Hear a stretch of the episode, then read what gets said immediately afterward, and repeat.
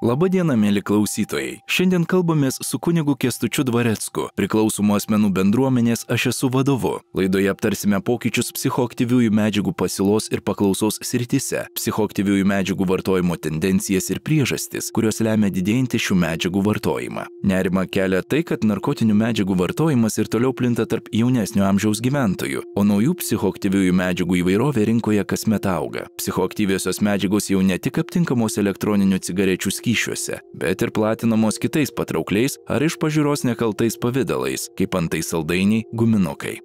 Ką apie šią grėsmingą situaciją mano mūsų pašnekovas kunigas Kestutis Dvareckas, kuriam priklausomybės neganda puikiai pažįstama, kokias išeitis ir pagalbos priemonės į priklausomybės voratinklį įsipainiusiems žmonėms, ypač jaunimui jis siūlo, ir kaip galima apsaugoti vaikus, jaunolius, kad šie neužkiptų ant kvaišalų masalo. Narkotikų, tabako ir alkoholio kontrolės departamento 2022 m. ataskaitoje rašoma, kad per metus psichoaktyviųjų medžiagų vartojimo mastas Lietuvoje augo keliomis dešimtimis procentų. Kokios būtų jūsų prielaidos? Kodėl taip nutiko? Tai pirmas dalykas - prieinamumas e, ir kad yra krūva legalių medžiagų. Mūsų sąmonė vis tiek įsisriegęs tas, kad jeigu nelegalu, tai gal dar suklūstų. Nu, arba azartas atsiras tam uždrausto moboliui, arba gal kaip tik stabdys, kad nelegalu, tai galbūt ne viskas tvarkoj bet dabargi Europoje yra virš 800 medžiagų, kurias Hebra vartoja svaiginimosi tikslais ir jos visos yra legalios. Tai ten 807 kažkas, ten galėtų gydytojas Robertas Badaras turbūt tikslų skaičių pasakyti, nes jis labai domisi tą temą, naujos psichoktyvios medžiagos. Ir jos pakliūna visur. Ir dabar, pavyzdžiui, sulaukiam laikų, kai pradeda padirbinėti net ir senuosius narkotikus. Arba sulaukiam laikų, kai pradeda padirbinėti vaistus. Kad Hebra, pavyzdžiui, vartoja marihuaną, jų įsitikinimu, o testai nebūtinai rodys marihuaną, rodys kitas naujas psichoktyvės medžiagas. Aišku, turime išpažinti ir kaip valstybė savo bejėgystę. Kai klausiau gydytojo Roberto, kiek mes tų medžiagų galim aptikti Lietuvoje, tai ten iki 50 jau ligoninės laboratorijoje su tai išlapimo testais nebūtinai ką nors aptiksi iš karto. Mm, tai turim tą katę maišę, kad e, Hebra prieinamumas lengvas, užtenka turėti išmanų telefoną, kurjeris tau pristatys, kainos jokingos, broliai kinai fabrikais gamina, pas save neplatina, bet Lietuvoje platina, kartais prirašo ten kokį nors, e, kad skirta laboratoriniam bandymam, ar ten dar kažkokį rakta, raktažodį, kad niekas neprikiptų, o jauni žmonės labai drąsiai eksperimentuoja, e, tas didelis pasitikėjimas savim ir galvojimas, kad, nu, tai jeigu matysiu, kad blogai, tai bet kada sustosiu. E, bet pamirštama vienas faktas, kad mūsų, mūsų smegenys, tos psichoktyvios medžiagos veikia ir jeigu man blaivę galvą atrodo, kad aš ten turiu kontrolę tam tikrą, tai tas kontrolės praradimas įvyksta nepastebimai. Ir žmogui vis dar atrodo, kad jis dar situaciją valdo. Pats esi turbūt matęs ne vieną žmogų, kur ten jau seniai jis nieko nevaldo, e, seniai aplinkiniai verkia ir laukia, kuo čia viskas baigsis, bando įkalbinėti kažkokiam pokyčiui, o jam atrodo, kad viskas valdoma. Tai turbūt pagrindinė priežastis - krūva naujų psichoktyvių medžiagų, perpildyta rinka, prieinama lengvai, jau nebereikia turėti pažįstamų didelių, dar kažko. E, ypač jeigu kalbam dar apie tas e, veipinimus visus, kas labai gazdina, ten gydytojas Robertas vėlgi turi įsame paskaitą, kuo ten kenkia ir kuo ten pavojingiau negu tradicinės cigaretės, bet kas gazdina, ten irgi krūva medžiagų, kur neaišku, kuo baigsis. Ir keista, kokie kinai gamina, bet pas save draudžia platinti. Ir tas tą patį, tai turbūt turi dar šiek tiek sveikos nuovokos saviškius apsaugot. O mūsų žmonės veipina, galvoja, kad skanu, kad mažiau kenksminga, kad nesmirda, kad aplinkinių taip nerzina. Ir aš mačiau, čia pas mus buvo sukus visai garbinga doktorantė, e, studijuojant įsitraukė savo bendruomenį ir bando veipinti, sako, kad tu čia, sako, o taigi čia, nu, arbūzo. Nu ne. Vienas Dievas žino, kas tenai yra. Ir va ta drąsa, turbūt jaunatviška drąsa, e, kad jeigu legalu, gal nieko tokio ir, ir bet kada sustosiu, tai greutis lyg ir tas pats, tik tai, kad e, medžiagos naujos ir kartais ilgai užtrunka susivokti. Ir kas dar gazina, dirbant šitoj srity, kad stažai vartojimo labai trumpi. Jeigu anksčiau ateidavo žmonės gydytis, turėdami ten 10 metų vartojimo stažą, tai nuo naujų medžiagų tokių stažų nebūna. Mm, dažnai būna kartais netokia užuojauta kaip senam vartotojui. Galvoju, viešpatė, tu ant rankų pirštų gali suskaičiuoti, kiek kartų vartoji, o jau viskas, jau galva e, neaišku, ar grįžtami procesai, jau pakrikus psichika, jau girdi balsus, jau matai vaizdinius, jau klėdėsiai kažkokį fonę girdisi. Tai tas labai gazina ir vat, jeigu pakalbėsiu su psichiatriniu gydytojais, e, tai vat, ir dabar iš mūsų vienas jaunas žmogus, 19 metų, e, nieko blogo, tik tai žolę rūkęs, e, neranda būdų išlikti adekvačiu šiuo metu priverstiniam gydymui. Tai aišku, kad jis ne tik žolę rūkė. Nu, ten, aišku, kad buvo su papildomom kažkokiam naujom medžiagom, kurios duoda jam uh, didesnį efektą. Ir čia vėl tokia apgaulė, kad žmogus galvoja, jeigu duoda didesnį efektą, reiškia švaresnis produktas, bet nieko panašaus. Tai sakau, man atrodo, mes kaip visuomenė truputį dar nepasiruošę, jeigu tas senasias medžiagas gebam kažkiek įtart bent. Nu, kai aš vartoju, aš atsimenu, net tų senų medžiagų negebėjau įtart. Nu, alkoholį visi, ten po diskotekos grįž paauglys, tiesiog, aha, turbūt išgėręs. O dabar nieko, gali ten papūsk, tėvai prašo, ten gali pūsti iki ryto, ten nieko neatsitiks, ta prasme, niekas nieko nesupras. Gali atrodyti kažkiek pavargęs ir tik pastebėm, kai jau prasideda klėdesys arba kažkoks visiškai lyguistas ilgesys. Tai kas labai gazina, naujos medžiagos ir iškart kilimas gretutinių psichinių sutrikimų, kur neturim vieningos pozicijos. Mm, kai kurie psichiatrai, pas kuriuos siunčiam, sako, tiesiog hitras e, vartotojas, e, kiti sako, kad jo baisios lygos, priklausomybė tik gretutinis, pradžiai tas gydyti. Ir jie kartais netampa tokie niekieno žmonės. Ta prasme, jeigu juos paguldo į psichiatrinę, jie pradeda vartoti juos, išrašo taisyklių pažeidimą, e, bendruomenės mes nepajėgus jų prieėmę deramai patarnauti, nes neturim psichiatro visą dieną, kuris ten žiūrėtų jo tas būsenas ir ar tikrai nekelia jis pavojus pats savo e, ir savo gyvybei ir aišku aplinkinių gyvybei. Tai formuojasi tokia grupelė niekieno žmonių, kurie nu, vat, kol nėra pakankamai blogai, tai kol neguldami priverstiniam, tai jie taip lieka artimųjų atsakomybė ir, ir, ir galvosopiui. Departamento ataskaitos įžanginėme žodėje netgi buvo įvardinta, kad vadinamasis veipinimas arba garinimas yra nauja kvaišalų vartojimo forma, kuri pamažu išstumė senasias svaiginimosi formas. Nu jo, bet suprantate, kad jinai yra ir ženkliai patrauklesnė nu, aš tau liepčiau uostyti, tai ten yra nosiai negerai, aš tau liepčiau leistis, tai ten gali bijoti kažko pradžioje, kažkokių stabdžių. O čia labai mėla, ten e, sako, kad nu, genijus sukūrė turbūt tą būdą, kad garai, čiulptuką, žodžiu, visai daug turbūt kažkokių poreikių e, pataiko ir visai prilimpa ir viskas nekaltai atrodo. Ten debesėlis plaukia kažkoks kvapelis, irgi, nu, toks vos, ne aromoterapija. Tik tai nieks nežinom iki galo, ką žmogus vartoja.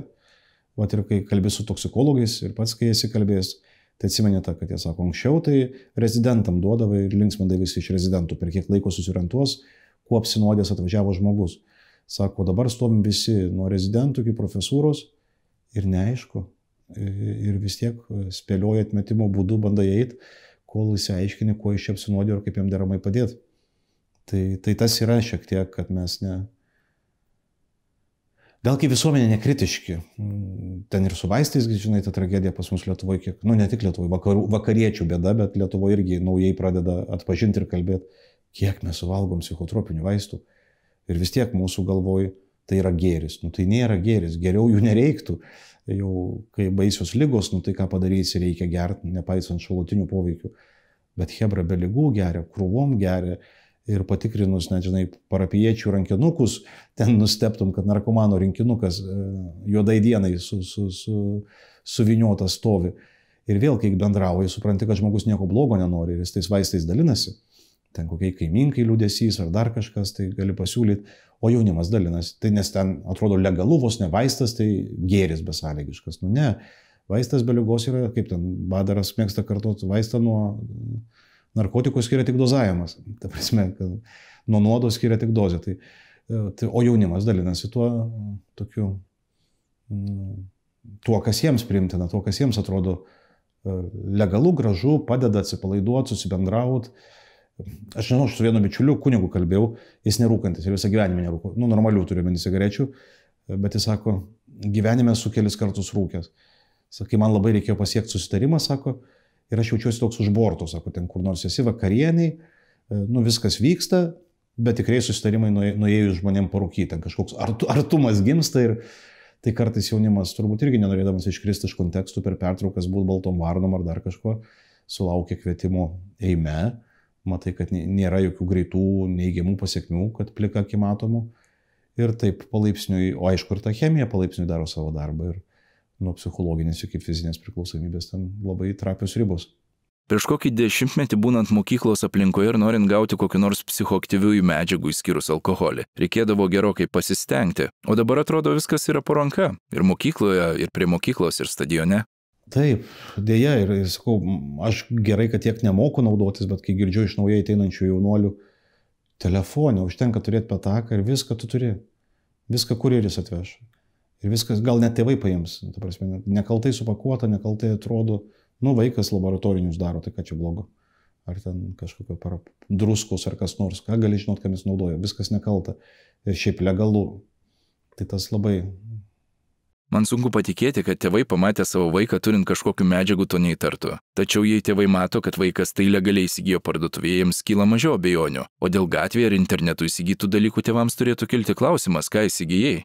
Tai ir parduotuvė, aš nežinau, kiek garantuota, kai dabar uždrausti visi papildomi skoniai ir va neseniai buvau degaliniai, tam prieš mane stovintys klausė skonių, sako, taigi dabar yra vienas skonis tik tabako, bet vat ta žalis e, biški arbūzą primena, tas, ta, nu, toks, kad yra tų visokių apėjimų. E, manau, kad yra šiaip, žinok, e, tokių tų veipinimo paraptėlių, kur neiškart suprastum. Aš va dabar neseniai mačiau vieną merginą jauną, atėjo rūkyt ir ten įsitraukė tokį, ką žinau, kaip, kaip, grotuvėlį mažyti toks į nieką neprimena ir per kampą traukia. Ten tokia skilutė yra. Sakau, kas čia per naujieną? Sako, nu čia, kad niekas nesuprastų. Ta prasme, ten tikrai toks plonas aparačiukas, net neprimena net ir tų veipinimo aparatų. Ten, ten ta rinka paklausi, skoniai, kvapai, dizainai, viskas ten aukštam lygiai, lygiai gražiai, gražiai dirbama. Tai tikrai aš tikiu, kad kartais vyresnė karta gali nesurientuoti, kas čia per daiktas. Ta prasme, jeigu man jinai būtų parodžius tą aparatėlį, aš irgi būčiau patikėjęs, kad nu, muziką klauso turbūt, ar ten oro kondicionierius kišeniui, kad nesmirdėtų kas nors. Kad yra jau ir tokių, bet, o kiti turbūt tėvai turi tą, tą iliuziją. Nu, tai jeigu valstybė leidžia, nu, tai jeigu ten legaliai. Um, bet pilna tarp jaunimo tų skyšių ir nelegaliai. Ir, ir tarp jaunimo aš pats girdžiu, kad iš čia gyvenus, kad kodėl tu perki nu, nelegalės, nu, kur nors. Sakau, geresnės. Kaina, kokybė geresnė ką reiškia kokybė, duoda didesnį kažkokį efektą norimą. Nu, tai panašu, kad e, tikrai nebedraudžiamų, nu, arba nebe psichoaktyvių medžiagų. Tai, sakau, aš irgi šitoj temų nesijaučiu labai drasus, nes man pačiam, nepaisant to, kad pats esu priklausomas ir kad, va jau kiek čia tų metų virš, turbūt kokiu 13-14 bendruomenį dirbu ir kasdien priklausomybės e, pasiekmes po, po akim, mane šitą naują temą žiauriai gazina ir nesijaučiu užtikrintai. Net ir dabar, kur tas žmogus buvo pas mus jaunas ir nieko, nieko baisaus nevartojas, bet išneštas visiškai. Ką žinau, prasideda save žalojimai, prasideda klėdesys. Supranti, ten paskambinė greitoji, sako, ne, dar ne, ne kritinė. O kada ta kritinė? Ne tai ką man čia laukti, kol kas nors atsitiks blogo, kad man, sakau, tokia nepažin, nepažinta žemė, jis man pasakoja ten kaip automobilių numerius pasakoja, ten ką jis bandęs kažkokias medžiagas, jau ten nepažįstų tų medžiagų, nei negirdėjęs. Nu ir viskas legalu. Ir va tas kažkaip labai neramina, kad mums patiems turbūt reiks va, rehabilitacijom pergalvoti sistemas, kaip tiem žmonėm deramai padėti. Bet išnešioti tai normaliai. Ta prasme, kad senieji, kokie baisus bebūtų, kiek mirčių bebūtų, bet bent jau pažinus, tie, tie, kas nori gydytis, gali prognozuoti, ko laukti. O čia iki galo neišku, beveik visus reikia guldyti psichiatrinę, priderinti medicamentinį palaikymą pradžiai. Tas medikamentinis nebūtinai, jeigu stipresnis, nesudėra su terapinė bendruomenė, kad ten žmogus jausmų nebūtinai visus jaučia. Ir tie keliai bus nauji. Manau, kad ateityje turėsim steigti kažkokius labiau specializuotus centrus, kurie gebėtų ir glaudžiau bendradarbiauti su medikais. Mhm. Bet medikai vėl, jeigu esi susidūręs, nu jie vis tiek truputį farmakoterapijos uh, fanai. Ne visi yra dalis, kurie, bet kitur tai baisus jūs pas bet kurį mediką, nes atsargiai apsidrausdamas jis ten jį tokiais tabletai, tokiais receptais apkamšys, kad jis tikrai nieko nenorės nei, nei vartot, bet ir gyventi gali nustoti norėti arba sveikti. Tai va čia irgi bus plona riba, nes Lietuvos psichiatrija, nepaisant tų minimalių daigelių, vis tiek dominuoja farmakoterapinis požiūris, kad į visas problemas mes turim atsakyti tabletėm. Nu, ne, ne, dėja ne. Mes galim tam tikras problemas išaldyti tabletėm, bet jos nebūtinai įsispręs. Ne per seniausiai vienoje Vilniaus mokykloje nuskambėjo tokia istorija. Mokiniai išėjo per pertrauką parūkyti ir iš karto pateko į lasdynų skubiosios pagalbos ligoninę. Tai čia pasisekė. Ta prasme, aš laikau pasisekė, jeigu pakliuvo į ligoninę arba pakliuvo į teisės saugą, kad kažkas juos sustabdė. Bet yra situacijų, kur mes niekada nežinosim, kodėl paaugliai nusižudo. Aš pats vat, neseniai prieš kelias metus, bet labai giliai įsirėžė atvejs, 17 metų mokinukas savo norų išėjo iš gyvenimo, iššokdamas per langą ir iš labai aukštai. Tai gerai, kad paliko laiškelį ir iš jo aišku, labai aišku, kodėl. Nu, jis ten visų atsiprašo, ten ir, bet tai buvo vartojimas, naujų psichoktyvių medžiagų vartojimas, nuo to prasidėjo garsai, balsai, kurie jau pradėjo jam didaktiškai nurodinėti, ką jis turėtų veikti ir neturim jo gyvų tarpę. Ta prasme, tai dar tie, kas pakliūna teisės saugai arba kažkam, tai bent jau galės suklus, permastyti ir galbūt pabūsti iš melo savo, kad nieko čia baisaus. Bet šita tema yra tuo šlikšti ir tuo dar subtilesnė tampa, kad aš girdėjau, pavyzdžiui, iš pareigūnų, kad anksčiau parvedė nepilnametį tėvam ir sakai, jis yra pavartojęs draudžiamų medžiagų. Ir tėvai turbūt iš to streso reikia, ne, negali būti, netiesa, kažkas šmeižė mano vaiką, kažkas jam pakišo kad sunku tą tiesą įsileisti, kad tokia baisi pabaisa į mūsų namus eilina. Tai aš manau, kad tėvam dabar, kai tai yra legalios medžiagos, e, nu, naujos tos psichoktyvios, arba bent jau taip griežtai neuždraustos, tai iš vis sunku patikėti, kad čia kažkas labai baisaus. Norisi tada nurašyti, kad čia paauglystės kažkoks išdaigos, kurios praeis nieko nekeičiant. Ir kartais galim pražiopsot vieni kitus, e, galvodami, kad tai tik sloga, kuri pasitrauks savaime. Bet, bet kai kuriais atvejais, nebūtinai šimtų procentų, kai kuriais atvejais tai eina į baisias komplikacijas ir net mirtinas komplikacijas. Viešai skelbiamoje informacijoje galima rasti, kad 2022-aisiais dėl garinimo į medikų rankas patekęs jauniausias asmo buvo 12 metų vaikas. Taigi, kaip psichoaktyviosios medžiagos pateikimo žaidimo forma draudžiamų preparatų sąrašas nori nenori trumpėja, o jas vartojantis asmenys jaunėja. Taip pat neseniai teko girdėti priklausomo žmogaus papasakotą istoriją apie tai, kad vienam jaunuoliui pakako pabandyti veipinti vienintelį kartą ir jos mėginėse prasidėjo pakitimai. Tai matai, mes niekada nesam tikri, ką žmogus ir jis pats žmogus negali būti tikras, ką jis ten iš tikrųjų įtraukia. Yra ten, kaip ten e, gydytojas Robertas sakė, keptas aliejus, nes ant, ant metalo svyla aliejus, tai ten gauna ir geležies ir ko tik nori, ten kenkia jau fiziškai bet psichiškai, ką jis ten, ko, ko, ką ten pažeidžia ir kaip sureaguos, mes, mes visi turbūt patys savęs iki galo net nepažįstam, kiek džinų iš butelio nepaleistų turim. Aš atsimenu tą skausmingą situaciją su vienu bičiuliu, labai artimu, kuris garbingam amžiui sulaukė rimtų diagnozių.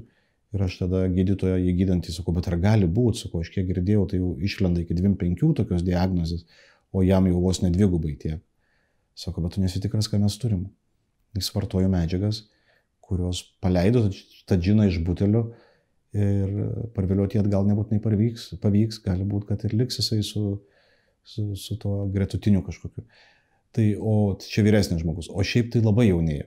Ir aš galvoju, mūsų laikais, nu žiūrėk, mes irgi kažkaip ten už garažo kokią cigaretę bandai, tai pirmą bent jinai neskani, nu, kuriam jau ten iš pat pradžių buvo skanu, visi ten turėjom pasistengti, kad, kad pritapti ir peržengti tą skonio barjerą, o dabar tai skanu.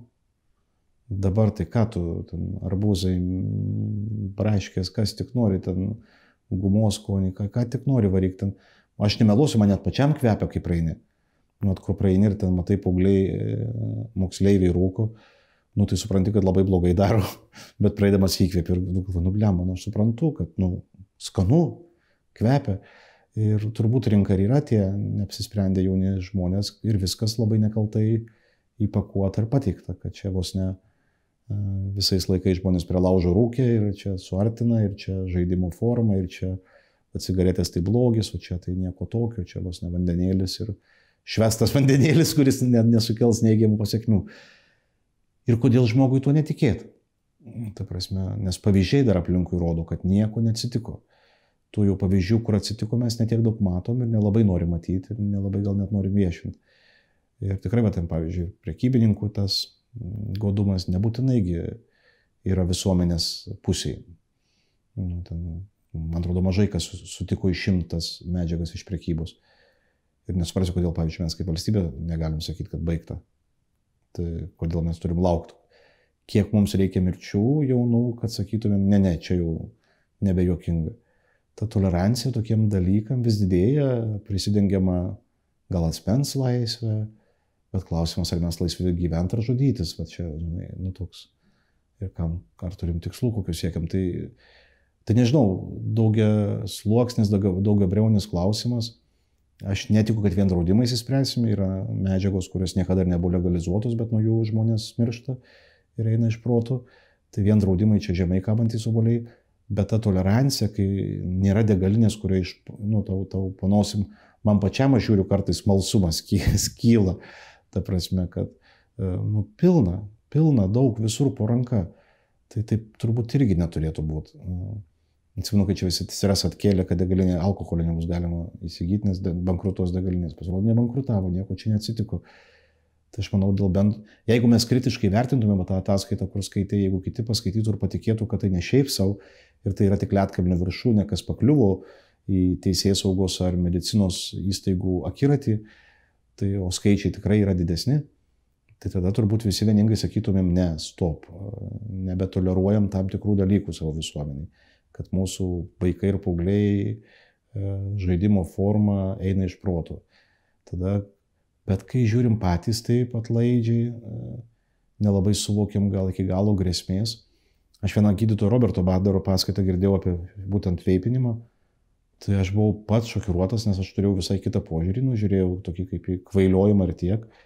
Aš įsigandau ir paskui ten net juokiausi, sakau, gydytojau Robertai, jūsų paskaitą vietoj panoramos bent du kartus į savaitę rodyti, kad, kad tikrai tai ponosim, tai čia pat ir yra jau ir moksliniai tyrimai atlikti ir įrodymų pakankamai, ko mes dar laukiam, kad įsitikintumėm, kad, kad mokslas neapgauna, kad, kad tai yra tas trojos arklys, kuris eina į mūsų gyvenimus visai taip gražiai, o paskui ten iš vidaus e, ištaškys iki tokių gabaliukų, kad kažin ar save susirankiosim kaip puzlę.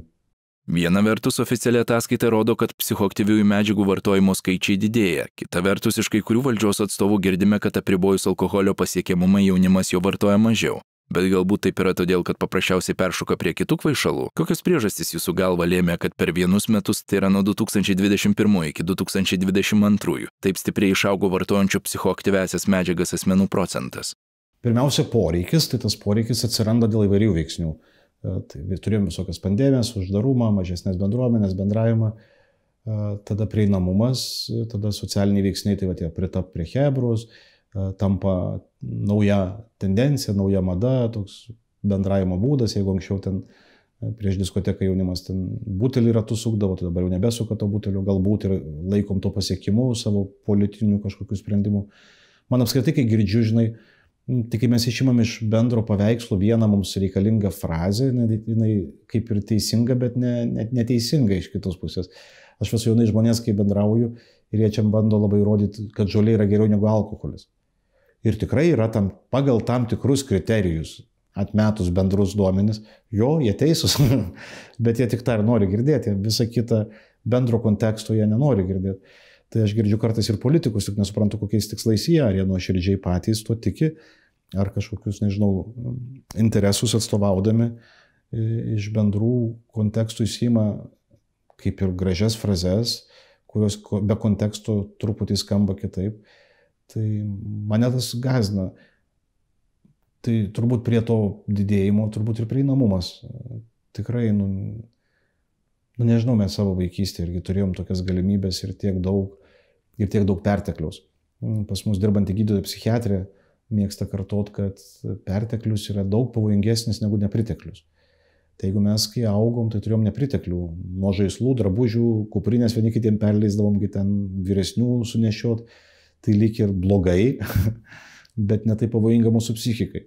O kai turim perteklių visko - emocijų, naujienų, žinių, daiktų, uh, kontaktų, tai gelmės jokios nelieka, tas perteklius, ten, sako, net cholesterolio perteklius insultus veda, tai kad perteklius yra daug pavojingesnis, tai aš manau, kad mūsų jauna karta šiaip auga pertekliui.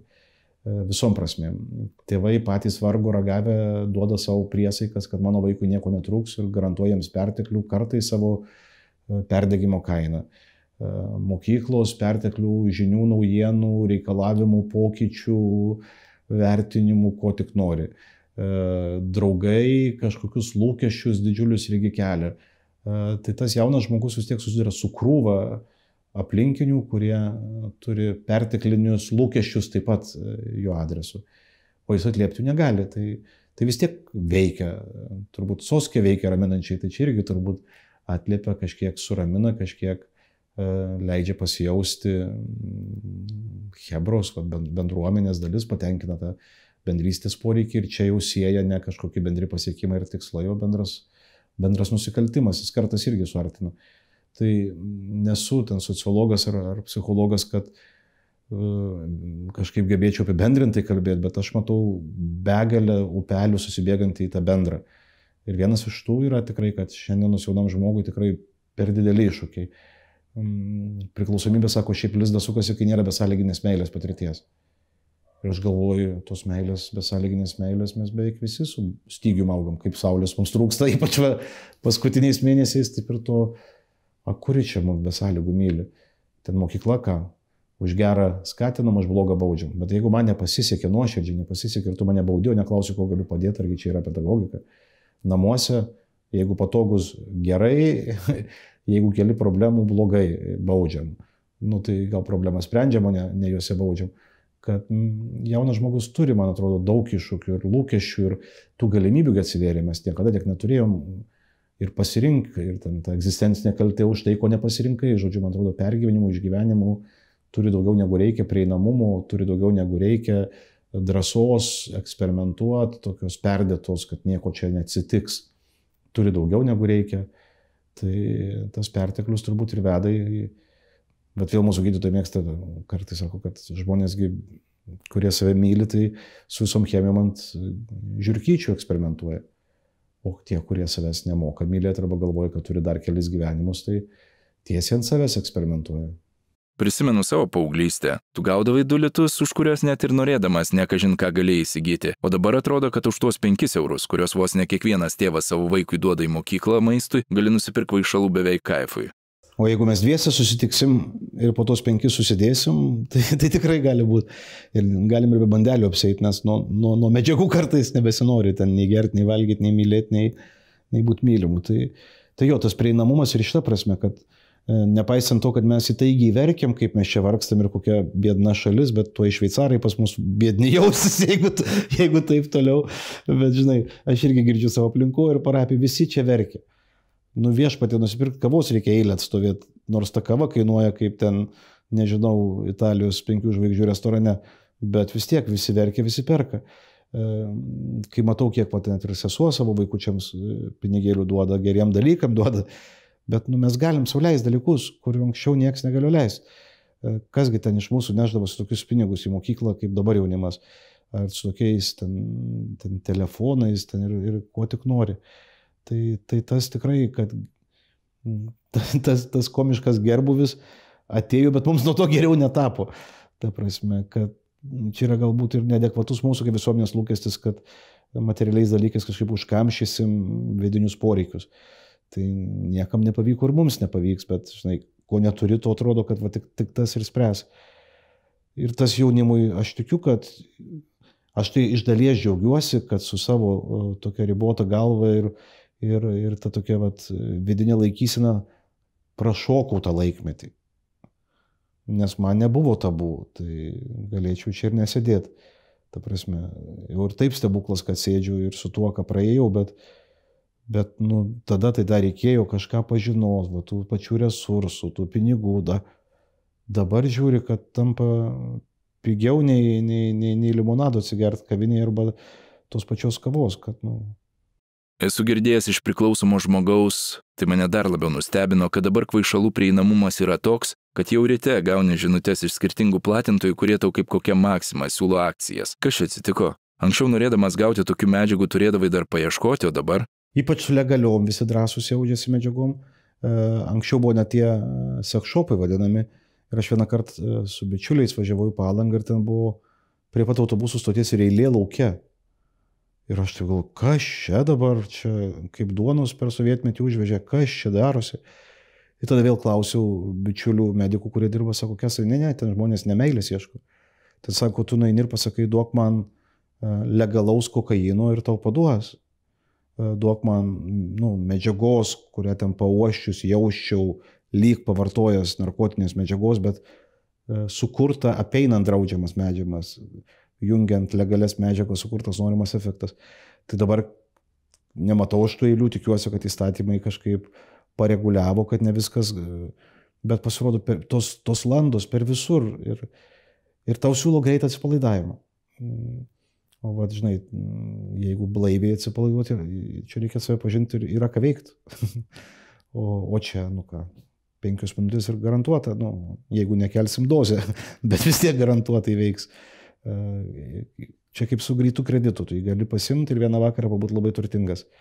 Bet su palūkonom tai ten žaksėsi, jeigu išgyvensi likusi laiką. Tai, tai vat, mūsų namai vienė tos žmonės, kurie jau, aš atsimenu, viena buvo pas mus gyventojų, kur labai taip kažkaip vaizdžiai pasakė, bet labai žvengiam, tai jis sako, Kokį čia Lietuvoje milijonieriai, parodykit, kuris jūs išleido milijoną savo reikmėm. O aš jau išleidau.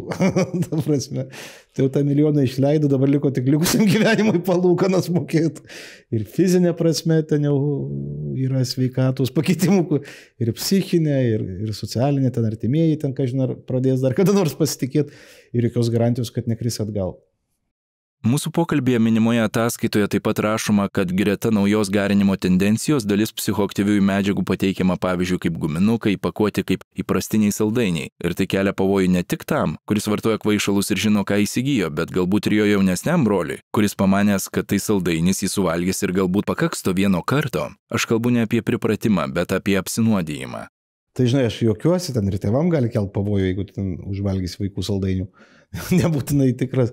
Anksčiau reik, ten tėvai žiūrėdavo į diskotekas, kai vaikščiau atsimenu mokykloje, tai tėvai arba tie būdintys tėvai ar mokytojai, tai Coca-Cola ragaudavo, jau buvo atsiradus, ar neprisipylė ko nors papildomai, nu kažkokios, dabar turbūt reiks ir šokoladukų atsikasti ir guminukų užvalgyti. Šiaip jo, tas baisu, kai pamatai įpakavimus, kai pamatai, kaip atrodo. Gražu, traukia akį, žadina smalsumą ir nieko kalto ten. Net, net, net, net, aš ir kai mačiau tas medžiagas, net neprabėga kažkokia abejonė šešėlis, kad čia kažkas blogo. Žaisminga, patrauklu, nekalta. Ir tas tikrai, manau, jaunas žmogus. Šiaip jau čia gulėtum palankės, turbūt kažkada ir susiviliotum pažiūrėti, nu, nu negali būti, kad čia kas nors blogo tam guminukį. Tai tas tik dar labiau, man atrodo, tą prieinamumą skatina. O apsinuodimo pavojų aišku, kad kelia. Tiek tie vaistai, kuriuos namuose Hebra laiko, net jeigu jie receptiniai būtų, taip tikrai per daug laiko ir tiek, tiek, tiek tos visos psichoktyvios medžiagos, nu, kai būna net ant, ant, ant kažkokių būtinių chemijų parašyta, saugoti nepasiekiamoj vietoj. Bet tos vietos pasiekiamos mūsų namuose dėja. Žvelgdamas iš tėvų perspektyvos galvoju, kad dar senais laikais, jei aptikdavai savo vaiką turinti kanapių, hašišo ar tiesiog cigarečių, galėdavai įtarti, jog jis tai vartoja. Dabar atrodo, kad ir ką rastum vaiko kuprinėje, net negali identifikuoti, kad tai narkotinė medžiaga. Kaip tuomet tėvams prisitaikyti prie dabartinio laikotarpio? Aš žinau kito būdo, žinai, kaip, kaip, kaip santykių puoselėjimas e, su vaiku, e, kad su kontrolė čia mes nieko nepasieksim. E, vienas mūsų bendras pažįstamas kažkaip Sako, mano dukra rūkyti pradėjo. Ten irgi nuo, nuo tų aikos, kaitinimo, paskui ten garinimo, paskui normalių, ten, žodžiu. Skur tu tai prameišneki, nu, ai dar, kad ir bandė ir marihuanos, skur tau čia normaliai, ta prasme, man jau klausant kaip bičiuliui, gal, kad ta prasme daryti, ką nors reikia. Sako, ne, aš tai sakau, dar mūsų, jinai su manim šneka. Ir kuo ilgiau gyvenu, praėjau į tą etapą, ačiū Dievui, viskas gerai baigėsi, ne, neužsikabliavo, neįsivystė. Bet man tikrai, va, kuo ilgiau gyvenu šitoj srity, kito kelio nežinau. Kad kol aš su vaiku galiu kalbėtis ir jis nebijo man pasakyti, kad va, draugai pasiūlė, paragavau ar kažką, ką tu manai, tol viskas tvarkoji. O kai jau jis nuo manęs pradeda slėpti, e, tau ten sukontroliuot, turbūt sudėtingai e, įmanoma ir nereiktų turėti iliuzijų, kad vienas galėsiu. Tada aš jau nebijočiau greitai specialistus kreiptis ar į vaikų psichologus, dar kur nors, kas ten vyksta ir ne, neužleist. Gal pavojingiausia, žinai, su šita lyga, kad kai jinai formuojasi, tai, nu, žinai, nekelia tiek daug nerimo pradžioj, o jau kai kelia nerimo, jinai būna įsibėgėjus labai toli.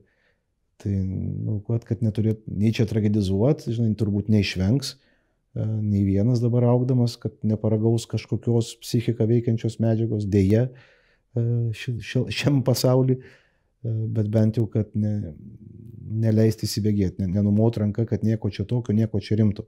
Nes ir vaikai gerai skanuoja. Ten vienodai, kad mes gražiai moralizuojam ir gazinam, kad, kad čia labai blogai, nu, nu, nu, bet jeigu jie mato mus pavyzdį, kaip mes žiūrim į tas medžiagas, arba mato, kad čia tik žodžiai, bet ne veiksmai, tai, žinai, kaip jie sakė, blogai girdi, bet gerai kopijuoja mūsų elgesį. Tai, tai tikrai mes gyventum ir tėvų, ir mamų jaunų su tais veipinimo aparatais nes nenori rūkyti normalių cigarečių, nes mirda, nes ten. O čia ir prie vaikų yra, nu, toks kaip su žaisliuku. Man ir pačiam dar, nors vat, po, po gydytojo paskaitos žinau, koks tai blogis, nujaučiu, bet man netrodo kaltai, vat, man yra kažkokia vidinė tokia konfliktas. Matai ten kokią moteriškę pipkiuojančią ten tuos debesėlius. Gražu, nu ta prasme, ir man vat kaip taip, nu, žinai, ten būdavo, sako, negražu gerinti, girta, ten negražu ten, nu jo, tikrai negražu. O va yra čia kažkaip tiek pažengė viskas, kad gražu ir nekalta. Tai aš užjaučiu tėvus, aš daug sulaukiu tėvų, ką daryti, vienas dievas žinot. Šiandien irgi skambino iš jaunimo centro vieno, ką daryti, kaip užkardyti čia. Sakau, vieną žinau, kad nesukontroliuosim, ta prasme, ten galim veš šunis, galim daryti testus ir ką mes tą info darysim. Tai prasme, jeigu tarp mūsų bus toleruojama palanki terpė, jeigu bus teatro veidmainystės, kad ir nuoširdžios, tai ten galim, galim save apgaudinėti, bet ne, neįspręsim, man atrodo. Tik investavimas į santykį, e, kuriame galiu e, būti ir poreikį mažina, bet e, žmogui ir galima prevenciškai pamatyti, kad jau kažkokie dalykai gimsta. Tik vėl ten, nežinau, naujų tyrimų nemačiau, bet anksčiau buvo labai garsiai iš žiniasklaidos ištransliuotas, kiek vai, tėvai vaikams skiria dėmesio per parą, atsimenite. Ir dėja į minutės telpa. Ta prasme, kad panašu, kad darbę savo šunį atėjęs aš ilgiau glostau, nes ir atėjęs, ir per pertrauką, ir, ir vakare, nu, kur grino dėmesio, o ten pasirodo, kad toks būtinis, kad tu viskuo aprūpintas ir tau nieko netrūksta. Ir bendruomenė dažnai, vad girdžiu, kai tėvai atlydi vaikus, sako, bet jam nieko netrūko. Aš per du darbus dirbau, jisgi ten pas mane turėjo tokias galimybės, o kaip taip atsitiko. Ir tada, kai kalbi, labai aiškiai atpažįsti, santykių tai trūko. Nu, bet fiziškai nebuvo žmogaus namuose. Buvo kažkoks bankomatas, kuris nu, viską gausi, ko nori, pasivažiuosi ir gausi, e, bet santykių, kada tu žvejoji, kada tu žaidėjai, kada tu kažką kitą veikėjai, kada kalbėjai, tai ne. Nes ir fiziškai nu, mes ne, ne, ne dievai, nu, ta prasme, jeigu tu atvarai po dviejų darbų, tai koks ant kelių pasėdėti, ta prasme. Ko nori, eik praustis valydantis ir į lovą, ta prasme, man irgi jau reikia į lovą, neturiu kuo, kuo duoti. Tai aš nežinau, kaip išlaviruoti tėvam, aš suprantu, kad noris ir spaudimas yra, vat, su bičiuliais kalbu net tų išmaniųjų telefonų. Nu, normalu, kad klasiokai turi, dar kažkas turi, ten kažkokių žaidimų neveža, dar, O tėvai sako, bet mes nenorėtumėm, kad jis tame sėdėtų. Bet lyg ir iš Hebros iškrenta. Nu ir tėvam patys savo tokių telefonų neturi. Tėvai naudojasi vaikučiai padėvėtais telefonais, na, na, naujas toks trendas. Ir kad vaikam viską duot, bet ar čia gerai? Aš suprantu, kad tie brangus materialiai dalykai gali būti pervertinti ir gal net pigus. Tai tėvam, draugam kito būdo nežinau, kaip atviras, sąžiningas santykis kuriame ir poreikis mažėja ir galbūt vat, galim iš anksčiau pamatyti, kad neįsiviniotų tas sniego gniužtė, kur jau paskui traišku. Tarkime, jaunuolis vartoja kvaišalus. Galbūt jo tėvai daug dirba, nekreipia į dėmesio ir nieko nepastebi. Tačiau yra mokykla, kur jaunuolis praleidžia didžiąją dienos dalį. Ir sunku patikėti, kad kai jis ateina į pamokas apsvaigęs, mokytojai to nemato. Taigi, ar jie samoningai pasirenka to nematyti, nenorėdami papildomų problemų, kur mes čia kažką praleidžiame? Vienas tai yra neigimas. Visada, kur yra priklausomybė, yra neigimas. Tu pamatysi, nu, man atrodo, apskritai nyksta mokytojai. E, kaip, kaip, kaip pašaukimas, tokie dėstytojai atsiranda. E, mano reikalas yra išdėstyti dalyką ir daryk, ką tu nori. Ta prasme, už tavo kaip asmens kažkokį ūkdymą, vedimą, nei šeima labai nori prisimti, sako, degul ten mokykla tvarkosi ir ten seneliai bažnyčia dar kas nors. o mokykla irgi sako, ne mūsų reikalas žinias, įgūdžius kažkokius formuoti, bet asmenybės ten raida, tai pažiūrėk, kiek mes psichologų turim mokyklos ir suprasi, kad, nu, apie ką mes kalbam. Tai dėstum. Tai aš įsivaizduoju tos mokytojus, kokiam mieste, pavyzdžiui, tu buvai mokyklai, 30 klasiai vaikų, apie kokį asmeninį dėmesį mes ten galim kalbėti. Tai tu ir taip turi ką veikti, dar ten krūvus visokių lentelių pripildyti, kurių nežinia kam reikia, kad gražiai ataskaitos atrodytų. Tai kada tu su tuo vaiku bendrausi ir santykimėksi. Ir galiausiai, jeigu ir pamatysi problemą. Ar tu nori dar problemų? Ką, tu turi kada kvepuot? Gal jo net tėvai pasiturintys ir, ir, ir, nebūtinai geranoriškai reaguos, kad ką jūs čia bandot mano vaik, ant mano vaiko stumt, ką jūs čia mano vaiką bandot apkaltinti. Aš esu susidūręs net čia Vilniuje, garbinga gimnazija, e, kai narkotikų ten skandaliukas įsisuko, e, tai pasiturinčių tėvų vaikai liko ir tęsė mokslus, nes jie nekalti, e, nes apkaltintas buvo paprastesnių tėvų vaikas ir išmestas iš gimnazijos, kuris net finansinių galimybių neturi e, tuo užsiimti, kuo, kuo mokyklos direktorius buvo nuspręsta, kad jis užsiima. Ir tie, kam reikia, tie, tie, ir tada ta neteisybė tik dar labiau ir nebaudžiamumas kažkoks ir, ir, ir tėvų, ir mokytojų tada gal toks rankų svirimas. Ir ką aš čia pasiekiau keldamas, kad e, vargšą vaiką išmetėm iš mokyklos, o tie e, nugalėtojai šypsonas sėdi suolė ir ką tu man padarysi ir lieki durniaus vietoj. Tai aš nežinau, kur mes išeinam su visom tom tinklo reformom, čia man per sunkus klausimai, bet aš tik pats žinau, aš nesugebėčiau. Ateiti į klasę su 30 vaikų ir atves šešias pamokas ir su jais mėgs kontaktą ir kažkaip ugdyti jauną žmogų neįmanoma. Čia visi ant tų kaimo mokyklų varo, aš tai visą tik dabar, nu, gal dėl to gerai, kad ir netapau tėvu, bet Aš jeigu tik važiuočiau į kaimą, į kaimo mokyklą, kur kaiminka moko, galbūt ten intelektualinių žinių bus ir mažiau pradžioj, bet bent kažkokius uh, žmogiškos susavybės vystysis, ten per santykių formuosis žmogus, saugesnį kažkokio aplinkoje įsiskleis ir kai norės pasivys, čia netokius ne, ne dalykus išmoksta. O, o dabar, man atrodo, mokyklose mes nuėjome į tą, kad perpilame šios informaciją ir, ir visi ten sureikšminę savo dalykus. Aš mokyklą irgi prisimenu kaip truputį traumuojančią patirtį jau tada. Bet dabar, kai nueinu, tai nu, man iš vis liūdna. Mane kartais pakviečia ten priklausomybių klausimų kalbėti ir tos klasės didžiulės, e, tie programos kažkokios didžiulės, viską ten reikia išmokti, viskas labai svarbu. Ar tikrai tiek svarbu, ar visi mes ten turim būti. Čia Lietuvoje, žinai, tikrai galim diskutuoti, čia toli jau nusirsim. Ar visiems ten tokių aukštųjų mokslų reikia Lietuvoje? Kur, nu, iki absurdų. Uh, Ir tu kalbi su žmogum, ale su aukštuoju, bet tas kažkaip pėtsako gilesnio nepaliko jo asmenybės raidai. Ir tada galvoji, bet, bet, bet popierius tikras ir galiojantis. Tai vat, ir galvoji, ar mes čia tokių feikų užsiminėjom, kažkokių rodiklių sėkimų. Mm, tikrai išvengėm iš sovietmečio, kad penkmečio planai ir čia kažkas, visi žinom, kaip jo siekia. Dabar žiūriu, kad ką žinau, kad vėl kažkokie planai atsiranda ir rodiklius mes pasieksim. O žmogus kaip žmogus, ne žmogus vis tiek centre, yra kažkokie rodikliai, kažkokie projektai, kažkokie. Tai aš tikrai nemanau, kad galima nematyti ilgainiui. Nu, reikia labai stengtis nematyti. Reikia su savim susitart, kad tai ne mano reikalas.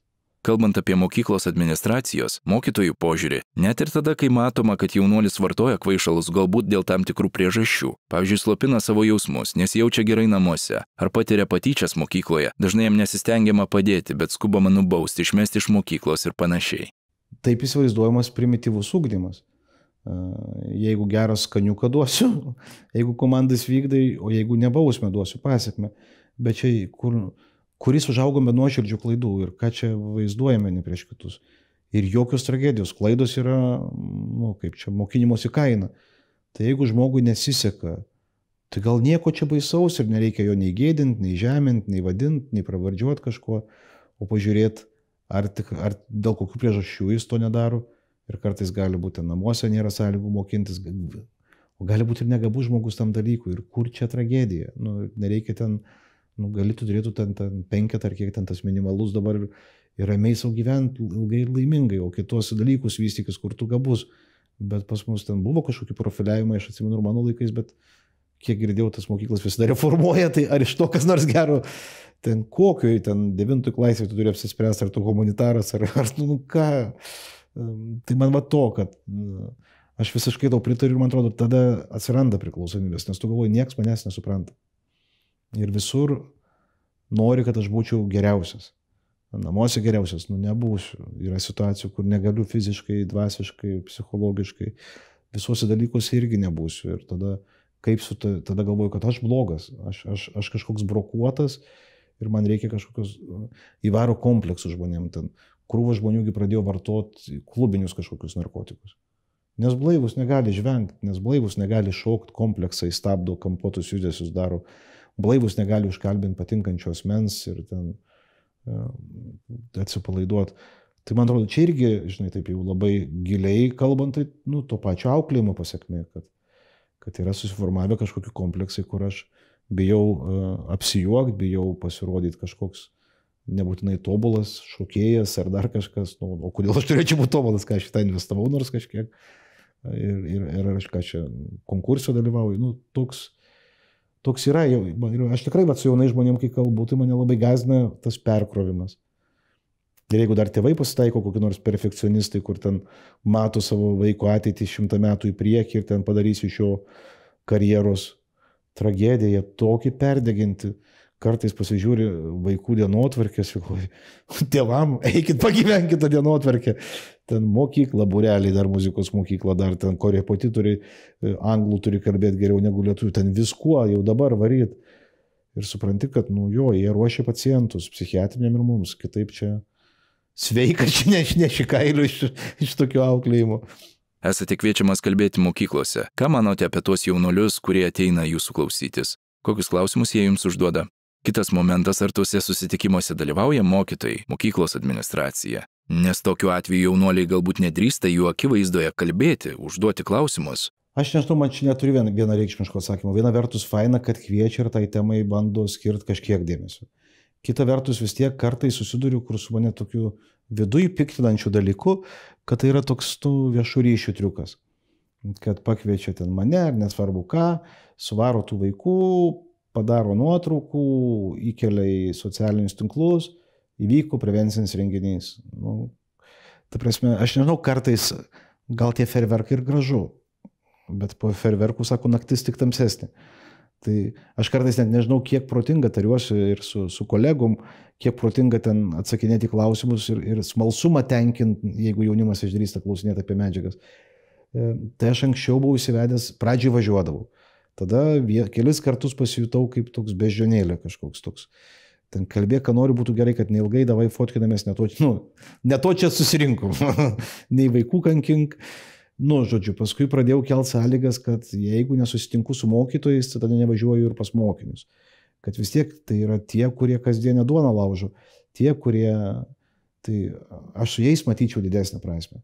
Bet jie ir taip turbūt, nežinau, pervargė, perkrauti ir kas ten su jais yra, ne visi nori tų, tų susitikimų ir, ir, ir vis tiek nori, o programą kažkokią gyvendinti turi prevencinę taip pat. Tai, tai dažniausiai dalyvauja mokytojai, e, bet, e, ką žinau, jeigu kviečia mokytojai klasės, tai dažniausiai klasės auklėtojai ir tie tokie labiau smart žmogeliukai, jie, jie daro daugiau negu privalo ir tu matai, kad jie turi kontaktą ir turi tą santykių su tais vaikais. Ir kad tie vaikai to mokytų pasitikė ir ten visai drąsiai klausia ir, kartais net tokias situacijas papasakoja, kur, na, nu, supranti, kad atvirumas didelis toj klasiai. Tai supranti, kad čia to, to pedagogo nuopelnas ir kai tokie skambina, tada visada stengiasi atsiliepti ir per, per negaliu, per nenoriu važiuoti. E, tai, bet kartais tikrai yra tų, kur nesuprasi, kam to reikia apart ataskaitų. Ir tada, kad tai, kada dar vienas feikas. Nu, mes, yra čia buvę, toj pačioj vienoje gimnazijoje, Ten pakvietė mane ir gydytoją Vilmą Andriauską, net ten jau mokytojam, bet visa vadovybė išėjo mokyklos. Ir kai ten, aš jau išeidinėjau, sakau, jums norite įteikti padėkos raštą ir podelį, mokyklos vadovas, sakau, bet jis nebuvo. Aš užeinu, sakau, kodėl jūs, gal čia kažkas labai mirštamo pas jūs, nu, jeigu jau per mokinių atostogas organizuojat, tai komandai, ką mes čia darom su to klausimu. Kodėl pats nedalyvavote, aš taip leidau savo paklausti. Sakau, ne, bet man tai neaktualu ir čia nėra tokia rimta problema. Nu, bet, tipo, mokytojai galvoja, kad čia problema, tai suorganizavau, va, sėdėkit iki vakaro jūs ten ir nuraminkit juos. Ir tada supranti, tai, tai, a, tai ką, nu, faina gaila tų idealistų mokytojų, kurie ten kelia tą problemą, bet tuo atveju, va, tuo konkrečiu atveju viršus ten nedėgė norų kažką spręsti ar net įgalumų pripažinti problemos rimtumą. Jis turėjo kitų problemų, ten biudžetai nesuėjo ir ten turbūt remontą reikia dar daryti kad jam šitie dalykai netrodė svarbus. Tai nėra gal vienalytis toks klausimas, yra įvairių tų mokyklų situacijų, bet, bet dar daug to yra, kur man čia va, turbūt ta sunkioji dalis, kur galvoju gal ir su manim kas negerai, man kartais būna net ir kaip kunigui kokiai krikštinis žmogui ir galvoju, ką aš čia darau. Ta prasme, yra nuostabių aktorių, kurie tą daug geriau atliktų. Nes, nu, nes nu, vyksta neaišku kas, ar tai net ir santokai kartais nutinka. O kam bažnytinė, taigi civilinė irgi nuostabi. Nu, jeigu tu matai, kad žmonės... Bet galų gal aš nepažįstu tų žmonių, ką, ką aš toks, kad vertinčiau, nu, tai ir sudalyvauju, bet tai vad kartais man ir mokykloje būna, kad nuvarai gaila savo laiko, o ka, kas čia buvo, va, važiuoju namo, ten, jeigu dar dviesi, o kas čia buvo. tai aš nemėgstu, kai, kai tas netikrumas kažkoks nes tengi nei garbės, nei pinigų ten važiuoji, kad vidus pasisotina, kad kažkokia idėja, dėl idėjos važiuoji. Bet jeigu visai nevažiuosi, tai prarasi ir tuos, kur būna, kad nuvažiuoji ir grįžti apsalusią širdim ir kad, wow, vis dėlto yra dar tų gražių žydinukų ir tų mokytojų, tikrų mokytojų, kuriems rūpi ne jų dalykas dėstomas, o vaikas rūpi, nu tai tada, tada pamaitintas grįžti, tada sutinki važiuoti. Tai, Bet vieningos kažkokios sistemos per daug, kad būtų įdėktos, tai aš ne, nematau. Aš girdžiu kartais ataskaitas ten kur nors konferencijose, kiek yra prevencinių programų sukurtų e, ir žaidimo formų, ar dar kažko, ir suprantu, kad jos visai įdomios, gražios, bet kai nuvažiuoju į realybę, aš dar nesutikau, kur būtų jos taip uh, nusekliai taikomos. Ta prasme, kad aš girdžiu kaip naujieną, tai suprantu, nes aš nedirbu nu, ugdomojo darbo Bet kai mokykloje išsimenu, kad va konferencijų girdėjau ir kai ten matau atsakingi asmenys, pirmą kartą girdžiu, tada yra šiek tiek neramu. Kalbant apie prevencinės programas, mes daug girdime, kad neva kažkas daroma. Tačiau kaip iš tiesų galime pasiekti žmonės, kaip e, tai gali padaryti skirtingų sričių atstovai? Priklausomybė yra toks sudėtingas fenomenas, kad tik iš skirtingų sričių e, susitikę mes ir galim kažką pasiekti. Jeigu mes mėginsim stumdyti ir sakyti, kad čia tavo klausimas, nes tu ten mokyklos psichologas, čia tavo, nes tu NTKD darbuotojas, čia tavo, čia nes tu tėvas, tai nie, nieko nepasieksim. E, vis tiek mums reikia mėgsti tinklus, e, kurie būtų, jeigu žmogus kristų į bedugnę, būtų tas tinklas, kuris jį sugau, sugautų.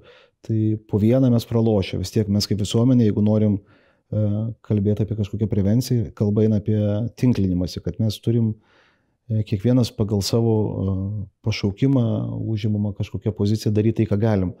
Tai tikrai smagu, kad žiniasklaidoje atsiranda istorijų, liudijimų, Jeigu anksčiau jos buvo retesnės, dabar jos dažniau pasitaiko kažkokią formą tam interneto platybėse, kažkokios viltingos informacijos apie pačią priklausomybės lygą. Ne tai, kad ten pagazdinimais kažkokiais sekliais eiti ar ten dalgiais mojuotis, bet kas, kas labai jau nori, turbūt kažkiek gali rasti.